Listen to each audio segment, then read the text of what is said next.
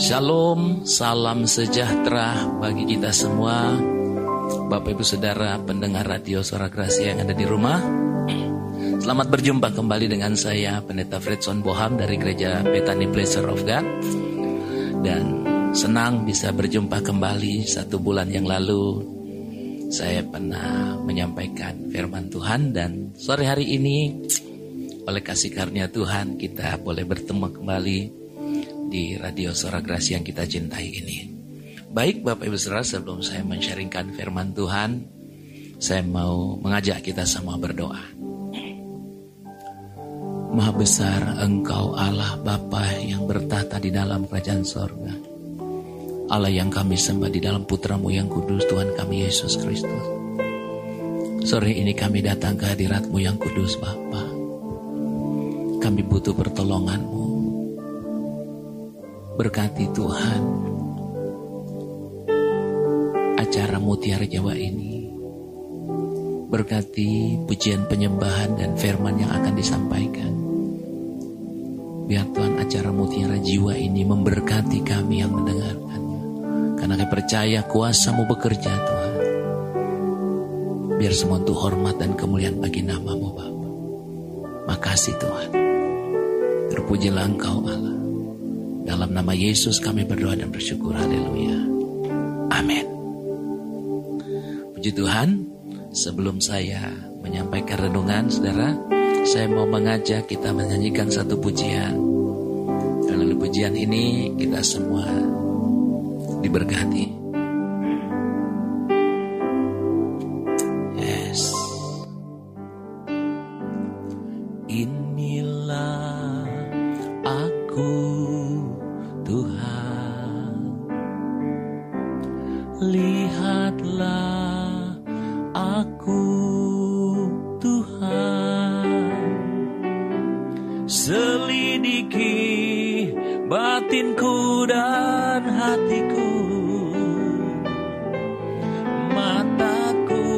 Tertuju padamu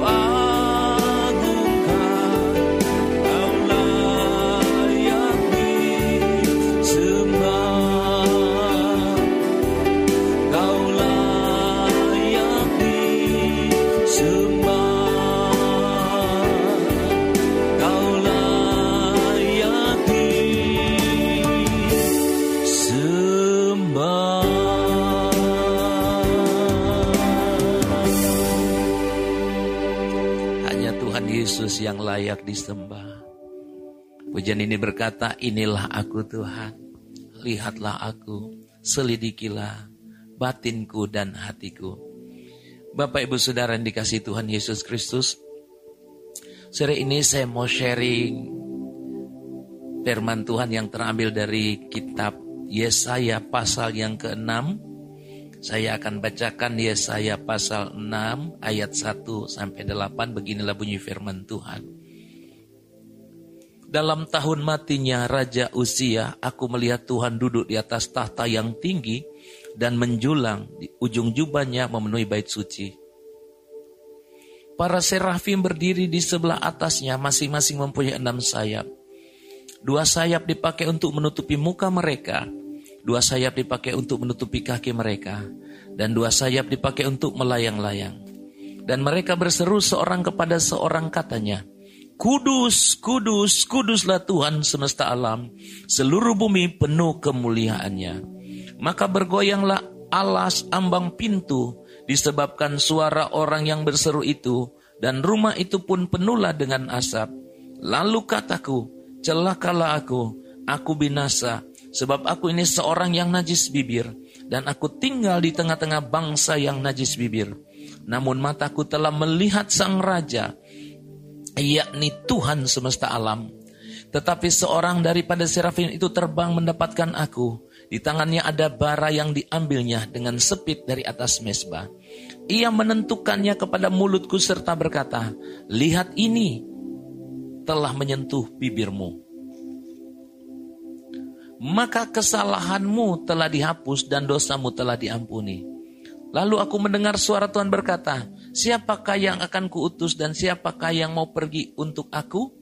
Maka sahutku, ini aku, utuslah aku. Bapak ibu saudara dikasih Tuhan, setelah Raja Usia mati, barulah Yesaya bisa melihat Tuhan.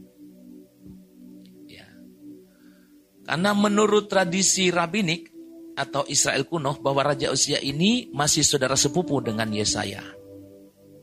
Sehingga setiap kali ada apa-apa, Yesaya selalu berhubungan dengan Raja Uzia. Akhirnya tanpa sadar, Yesaya sudah menggunakan mengandalkan manusia. Ya. Dia sudah mulai mengandalkan manusia dan Raja Uzia lah andalannya. Ini yang membuat Tuhan tidak suka. Nah, saudara yang kasih Tuhan, Kenapa setelah matinya Raja Usia? Ya saya baru bisa melihat kemuliaan Tuhan. Ya. Saya mau kasih tahu sore hari ini saudara bahwa hati-hati di dalam diri kita ini ada musuh, saudara. Ya, saya kasih tema khotbah yaitu musuh di dalam diri kita. Nah, usia ini bisa berbicara tentang kesombongan manusia atau suka mengandalkan manusia. Ya. Makanya ya saya pada waktu usia ada dia nggak bisa ini karena yang dia lihat ya raja usia itu. Nah, Bapak Ibu, saya percaya Allah yang kita sembah Elohim Yahweh di dalam Tuhan kita Yesus Kristus Allah yang penuh kasih sayang, Allah yang luar biasa baiknya. Tapi Allah yang dahsyat itu tidak bisa kompromi dengan dosa. Nah untuk itu, Bapak Ibu Saudara, sore ini saya mau sharing begini. Tuhan Yesus datang ke dunia ini menebus semua dosa manusia. Semua dosa manusia sudah ditebus oleh Tuhan kita Yesus Kristus. Tapi harus diingat bahwa ada namanya tabiat dosa atau sifat dosa dalam kita itu tidak otomatis hilang. Ya, tidak otomatis hilang. Nah ini yang Bapak Ibu Saudara, kadang-kadang kita nggak sadar bahwa itu masih nempel dan menjadi kebiasaan kita dalam menjalani hidup sehari-hari. Dan kita anggap itu biasa. Padahal ini yang membuat kita tidak nyambung dengan Tuhan. Karena di dalam diri kita ini masih ada saya boleh bahasakan yaitu masih ada monster, saudara. Ini, ini yang menjadi penghalang untuk kita benar-benar hidup di dalam hadirat Tuhan. Nah, untuk itu saya mau mengajak kita melihat di dalam kitab Amsal pasal yang ke-6 ayat 16. Alkitab bilang begini. Enam perkara ini yang dibenci Tuhan, bahkan tujuh perkara yang menjadi kekejian bagi hatinya. Ayat 17. Mata sombong, lidah dusta, tangan yang menumpahkan darah orang tidak bersalah, hati yang membuat rencana-rencana yang jahat, kaki yang segera lari menuju kejahatan, seorang saksi dusta yang menyembur-nyemburkan kebohongan dan yang menimbulkan pertengkaran. Nah ini Bapak Ibu Saudara, ini benar-benar kalau kita nggak peka melihat ini dalam hidup kita, kita akan jadi bulan-bulanan kegelapan. Akhirnya apa? Kita masih bisa beraktivitas di gereja, kita masih bisa jadi pelayan Tuhan, bahkan seperti saya bisa jadi gembala. Tapi tanpa sadar, masih ada ini di dalam kita masih ada kesombongan, ya masih ada dusta, ya macam-macam saudaraku. Ya ini kita harus punya kepekaan roh untuk bisa melihat diri kita sendiri. Supaya dalam perjalanan kekristenan kita, kita makin hari makin progres. Kita bahkan bisa terbang tinggi. Kita sukanya. Ku kan terbang tinggi di awan bersamamu dalam kemuliaan. Wah, tapi kan kenyataan sehari-harinya kita hidup dalam kekalahan. Yang ada kecewa, sakit hati, takut, bimbang, bingung, khawatir. Nah ini kan Ironis sekali kita punya Allah yang besar, Allah yang perkasa, Allah yang dahsyat. Kita kalau menyanyi how great, waduh besar Allahku. Tapi pada kenyataan hidup kita seperti kerdil. Nah ini ini yang perlu kita waspadai. Ini yang perlu kita perangi, saudaraku. Ini ini dibenci Tuhan, saudara. Ya, kita lihat lagi dalam Amsal pasal yang ke-8 ayat 13 takut akan Tuhan ialah membenci kejahatan aku benci kepada kesombongan kecongkakan tingkah laku yang jahat dan mulut penuh tipu muslihat ini sangat dibenci oleh Tuhan Nah dari satu sisi dari luar kita berkata Tuhan sayang padaku, dia sangat mengasihi aku. Tapi di dalam kita ada sifat ini. Yang kita nggak mau buang ini. Kita nggak mau perangi ini. Dan kita berfantasi, ah, itu kan sudah dibuang oleh Tuhan Yesus. Yeah. kita yang harus berjuang. Tuhan Yesus memberikan fasilitasnya kepada kita. Roh Kudus dimateraikan. Tapi kita harus berjuang membuang itu. Lewat penggarapan Allah. Roma 8:28 Allah bekerja dalam segala sesuatu untuk mendatangkan kebaikan. Jadi kadang melalui proses kehidupan bagaimana reaksi kita, bagaimana respon kita. Tuhan akan menguji lewat persoalan-persoalan hidup. Dia akan melihat respon anak-anak Tuhan. Wah, ini responnya kok begini? Waduh, ini masih sombong ini berarti nih. Masih ada harga diri di sini nih. Masih haus pujian ini nih. Masih gila hormat ini nih. Masih ada sifat-sifat itu di dalam diri kita. Nah, itu yang membuat kita nggak sadar, kita nggak maksimal dalam Tuhan. Ya, tinggi hati. Waduh, ini ini spirit-spirit ini nih ya. Di Amsal 18 ayat 12 Alkitab bilang begini, tinggi hati mendahului kehancuran, tetapi kerendahan hati mendahului kehormatan. Nah, saudaraku yang dikasih Tuhan, di dalam 1 Petrus 5 juga dikatakan ya, 1 Petrus 5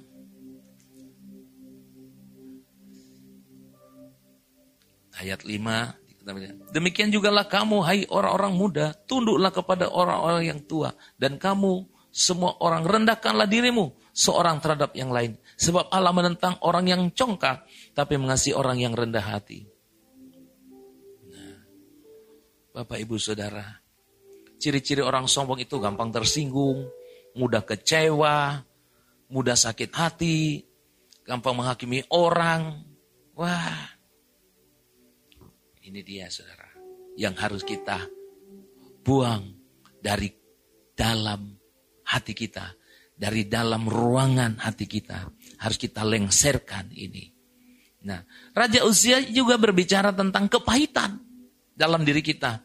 Yang sudah menjadi raja atas hidup kita. Ini yang menghalangi kita mengalami Tuhan, saudaraku. Ya. Sudah menjadi raja. Dia yang memerintah. Kepahitan itu yang memerintah. Kepahitan itu yang memperbudak kita selama ini. Saya banyak melayani orang-orang yang pahit. Ini yang membuat raja di atas segala raja tidak bisa mendapat tempat dalam hidup Bapak Ibu Saudara dan saya. Ya, Raja Uzia juga berbicara tentang kekecewaan di dalam diri kita. Ya, dikit-dikit kecewa. Itu raja itu yang masih berkuasa, raja kecewa itu, raja kepahitan itu yang masih menguasai seluruh area hidup kita. Bagaimana kita mau terbang tinggi, bagaimana kita mau maju, bagaimana kita mau progres dalam mengiring Tuhan. Alkitab katakan hari-hari ini adalah hari-hari yang jahat. Kalau kita tidak kuat di dalam firman, kita tidak kuat berhubungan dengan Tuhan, kita tidak tinggal di dalam Tuhan, waduh, kita akan terus terseret oleh arus dunia ini. Dan kita masih ke gereja, tapi kita sudah kehilangan power, kita sudah kehilangan kuasa sebagai anak-anak Allah. Untuk itu pada saat ini saudara saya ingin mengajak ya seluruh pendengar radio Rahasia yang dikasih Tuhan. Sekarang yang menjadi pertanyaan buat kita semua, siapa yang menjadi raja atas hidup kita? Mari kita cek. Siapa yang memerintah?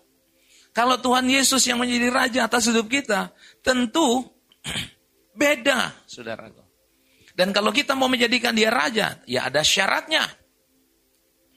Ya, ada syaratnya Bapak Ibu Saudara. Kalau kita benar-benar menjadikan dia raja, ya kita harus menerima dia, menjadikan dia raja atas hidup kita. Tapi lengserkan dulu raja-raja yang lain itu.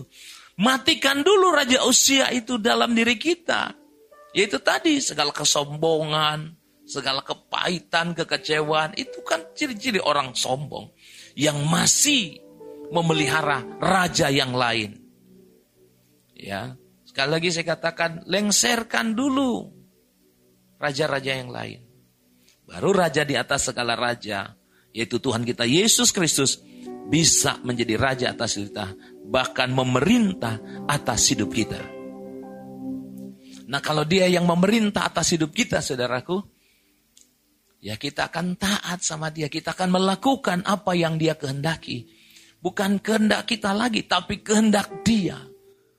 Makanya ini pujian ini bagus sekali saudara. Ku telah mati dan tinggalkan cara hidupku yang lama. Semuanya sia-sia dan tak berarti lagi. Hidup ini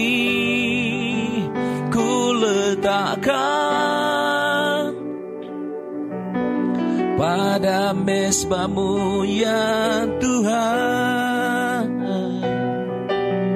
Jadilah padaku seperti yang kau ingini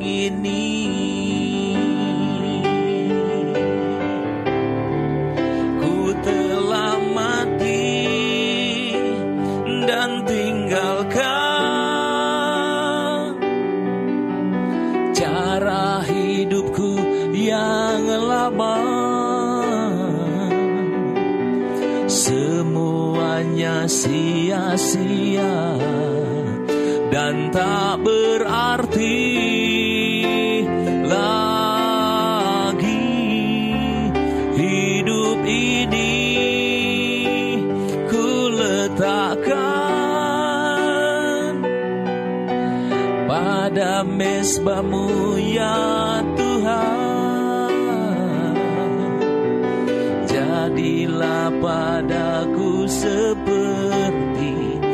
yang kau ingini. Nah, lengserkan dulu raja-raja yang lain dari hidup kita. Mari kita cek and recheck siapa yang selama ini memerintah atas hidup kita, menjadi raja atas hidup kita. Kadang diri kita sendiri yang menjadi raja. Suka-suka kita mau bikin ini, mau lakukan ini. Suka-suka kita, maaf saudara, apalagi mungkin kita berkatnya lebih. Ya suka-suka kita menggunakan uang mobil ini. Waduh saudaraku. Tidak begitu cara hidup anak Tuhan. Cara hidup anak Tuhan adalah dia mau menjadikan Yesus Kristus menjadi raja atas hidupnya dan raja itu yang memerintah atas hidupnya. Nah, ada kisah lagi yang menarik saudara. Saya bacakan di dalam Injil Matius pasal yang kedua ayat 19 setelah Herodes mati, nampaklah malaikat Tuhan kepada Yusuf dalam mimpi di Mesir.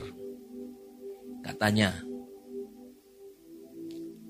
Bangunlah ambil anak itu serta ibunya dan berangkatlah ke tanah Israel karena mereka hendak membunuh aku itu sudah mati. Nah, pada waktu bayi Yesus lahir, ya, karena ada Herodes di sana yang mau membunuh Yesus, maka menyingkir pada waktu itu ke Mesir. Tapi setelah Herodes mati, barulah mereka kembali ke Israel. Artinya apa saudaraku? Kalau kita mau mengalami Yesus, mau hidup dalam hidup kita, Herodes harus mati dulu. Apa itu spirit Herodes? Sama, spirit iri, tidak mau tersaing dia. Dia dengar, wow ada raja yang lahir. Dia marah, dia mau bunuh itu. Tanpa sadar saudara, kita ini pembunuh. Pak, jangan sembarang ngomong. Bapak Ibu, saya mau menggunakan standar Injil. Saya mau menggunakan standar ajaran Yesus. Yaitu barang siapa membenci saudaranya, dia sama dengan pembunuh manusia. 1 Petrus 3, eh, 1 Yohanes. 1 Yohanes 3 ayat 15 Alkitab bilang begitu. Jadi saudara tanpa kita sadar, kita ini masih ada Raja Uzia, masih ada Raja Herodes. Itu yang menghalangi Kristus tidak bisa maksimal memerintah menjadi raja atas hidup kita. Kalau kita mau mengalami Tuhan setiap hari, tinggal dalam hadirat Tuhan. Hati kita harus bersih. Hidup kita harus bersih. Pikiran perasaan kita harus bersih. Dan Alkitab katakan kita harus mengenakan pikiran dan perasaan Kristus. Artinya firman Tuhan, Injil harus mendapat tempat di dalam hidup kita, dalam hati kita. Sekali lagi matikan dalam diri kita segala keinginan daging, keinginan mata, keangkuhan hidup. Matikan semua berhala-berhala ya di dalam 1 Yohanes 2 ayat 15 kan, segala keinginan daging, keinginan mata, keangkuhan hidup, itu persahabatan dengan dunia, saudara. Itu permusuhan dengan Allah. Juga dikatakan di dalam kolose pasal yang ketiga, ya, kolose pasal yang ketiga ayat 5 berkata, karena itu matikanlah dalam dirimu segala sesuatu yang duniawi, yaitu percabulan, kenajisan, hawa nafsu, nafsu jahat dan juga keserakahan yang sama dengan penyembahan berhala. Itu harus dimatikan. Ini perjuangan kita Bapak Ibu Saudaraku. Kalau kita mau serius, mau hidup berkenan di hadapan Tuhan. Kita mau serius, mau mematikan, mau membunuh musuh-musuh yang ada di dalam kita. Yang selama ini menipu kita. Yang selama ini membuat kita tidak maksimal rohani kita. Yang selama ini membuat kita tidak pernah mengalami breakthrough, tidak pernah mengalami terobosan dalam kehidupan kita. Ini disingkapkan sore ini, dibukakan sore ini. Dan saya mengajak kita semua Bersama dengan pertolongan kuat kuasa roh kudus yang dimateraikan dalam hidup kita. Kita pasti bisa. Bersama Tuhan Yesus kita pasti bisa. Bersama Tuhan Yesus kita pasti menang. Karena ada kuasa ilahi, ada kuasa roh Allah di dalam hidup saudara dan saya. Nah untuk itu, sekali lagi saya ingin mengajak, mari kita matikan Raja Usia. Di dalam diri kita masing-masing yang sama dengan menyembah berhala itu saudara. Kita harus buang semua itu. Dan saya yakin dan percaya orang yang mau berjuang di sini, orang yang mau sungguh-sungguh merindukan Tuhan, Roh Kudus pasti akan hadir dalam hidupnya. Roh Kudus pasti akan menolong dan menuntun dia kepada segala kebenaran. Nah untuk itu Bapak Ibu Saudaraku, ini yang bisa saya sharekan sore hari ini, singkat saja, intinya ada musuh di dalam diri kita. Kadang kita nggak sadar. Seperti kayak berhak kita mau membalas. Habis dia nyakitin si pak dia duluan. Saya kan nggak salah. Nah, Tuhan Yesus saudaraku mengajarkan kita mengampuni. Mungkin Pak, Bapak sih gampang ngomong, ngucapin gampang. Saya juga tidak mudah saudara dan saya sedang mempraktekkan ini. Wah hari-hari ini luar biasa saudaraku. Saya sedang menghadapi tantangan, iya hinaan, wah macam-macam. Kadang dari jemaat sendiri, ya dari dalam gereja sendiri jemaat yang digembalakan. Di depan manis-manis, di belakang mentung. Wah tuh, tapi bagaimana saya harus bersikap? Bagaimana saya harus belajar mempraktekkan firman. Dan saya tahu itu semua diizinkan Tuhan untuk membunuh raksasa-raksasa yang ada di dalam diri saya. Untuk membunuh monster-monster yang ada di diri saya. Supaya saya bisa melihat diri saya sendiri. Siapa sebenarnya yang ada di dalam diri Fredson? Yesus Kristuskah yang menjadi raja? Atau dirinya sendiri? Atau Uzia? Atau Herodes? Nah itu nanti akan kelihatan melalui perjalanan hidupnya, melalui respon dia, melalui respon saya, respon kita semua dalam menghadapi setiap masalah dan persoalan hidup. Saya mau katakan, respon menentukan hasil. Responmu, respon yang benar, hasilnya pasti bagus. Nah untuk itu, saudaraku yang dikasih Tuhan Yesus Kristus, mari saya ingin mengajak kita mau menjadi penyembah yang benar di dalam Tuhan. Karena hidup kita ini adalah penyembahan. Bapak Ibu Saudara. Ya.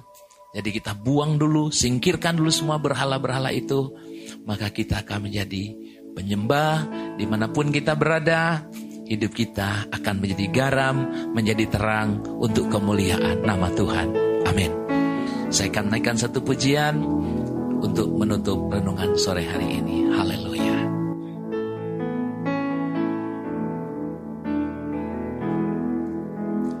pujian dan syukurku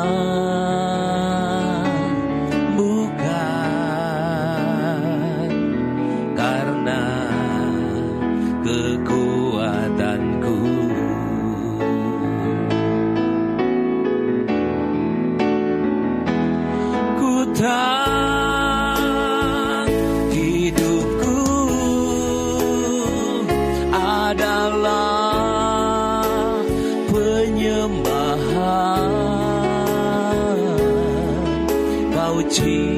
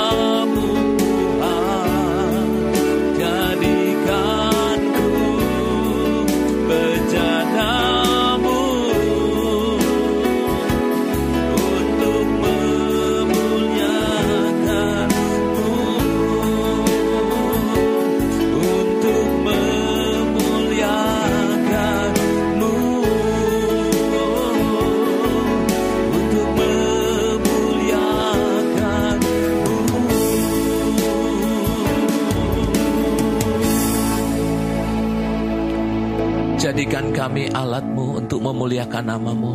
Terima kasih Tuhan Yesus dimateraikan firman ini. Hamba berdoa buat semua anak-anakmu para pendengar radio suara Gracia ini. Di dalam nama Yesus Kristus kami sepakat kami mematikan raksasa-raksasa raja-raja yang lain yang tanpa kami sadar selama ini memerintah atas hidup kami. Kami lengserkan, kami buang dalam nama Yesus. Dimatikan dalam nama Yesus.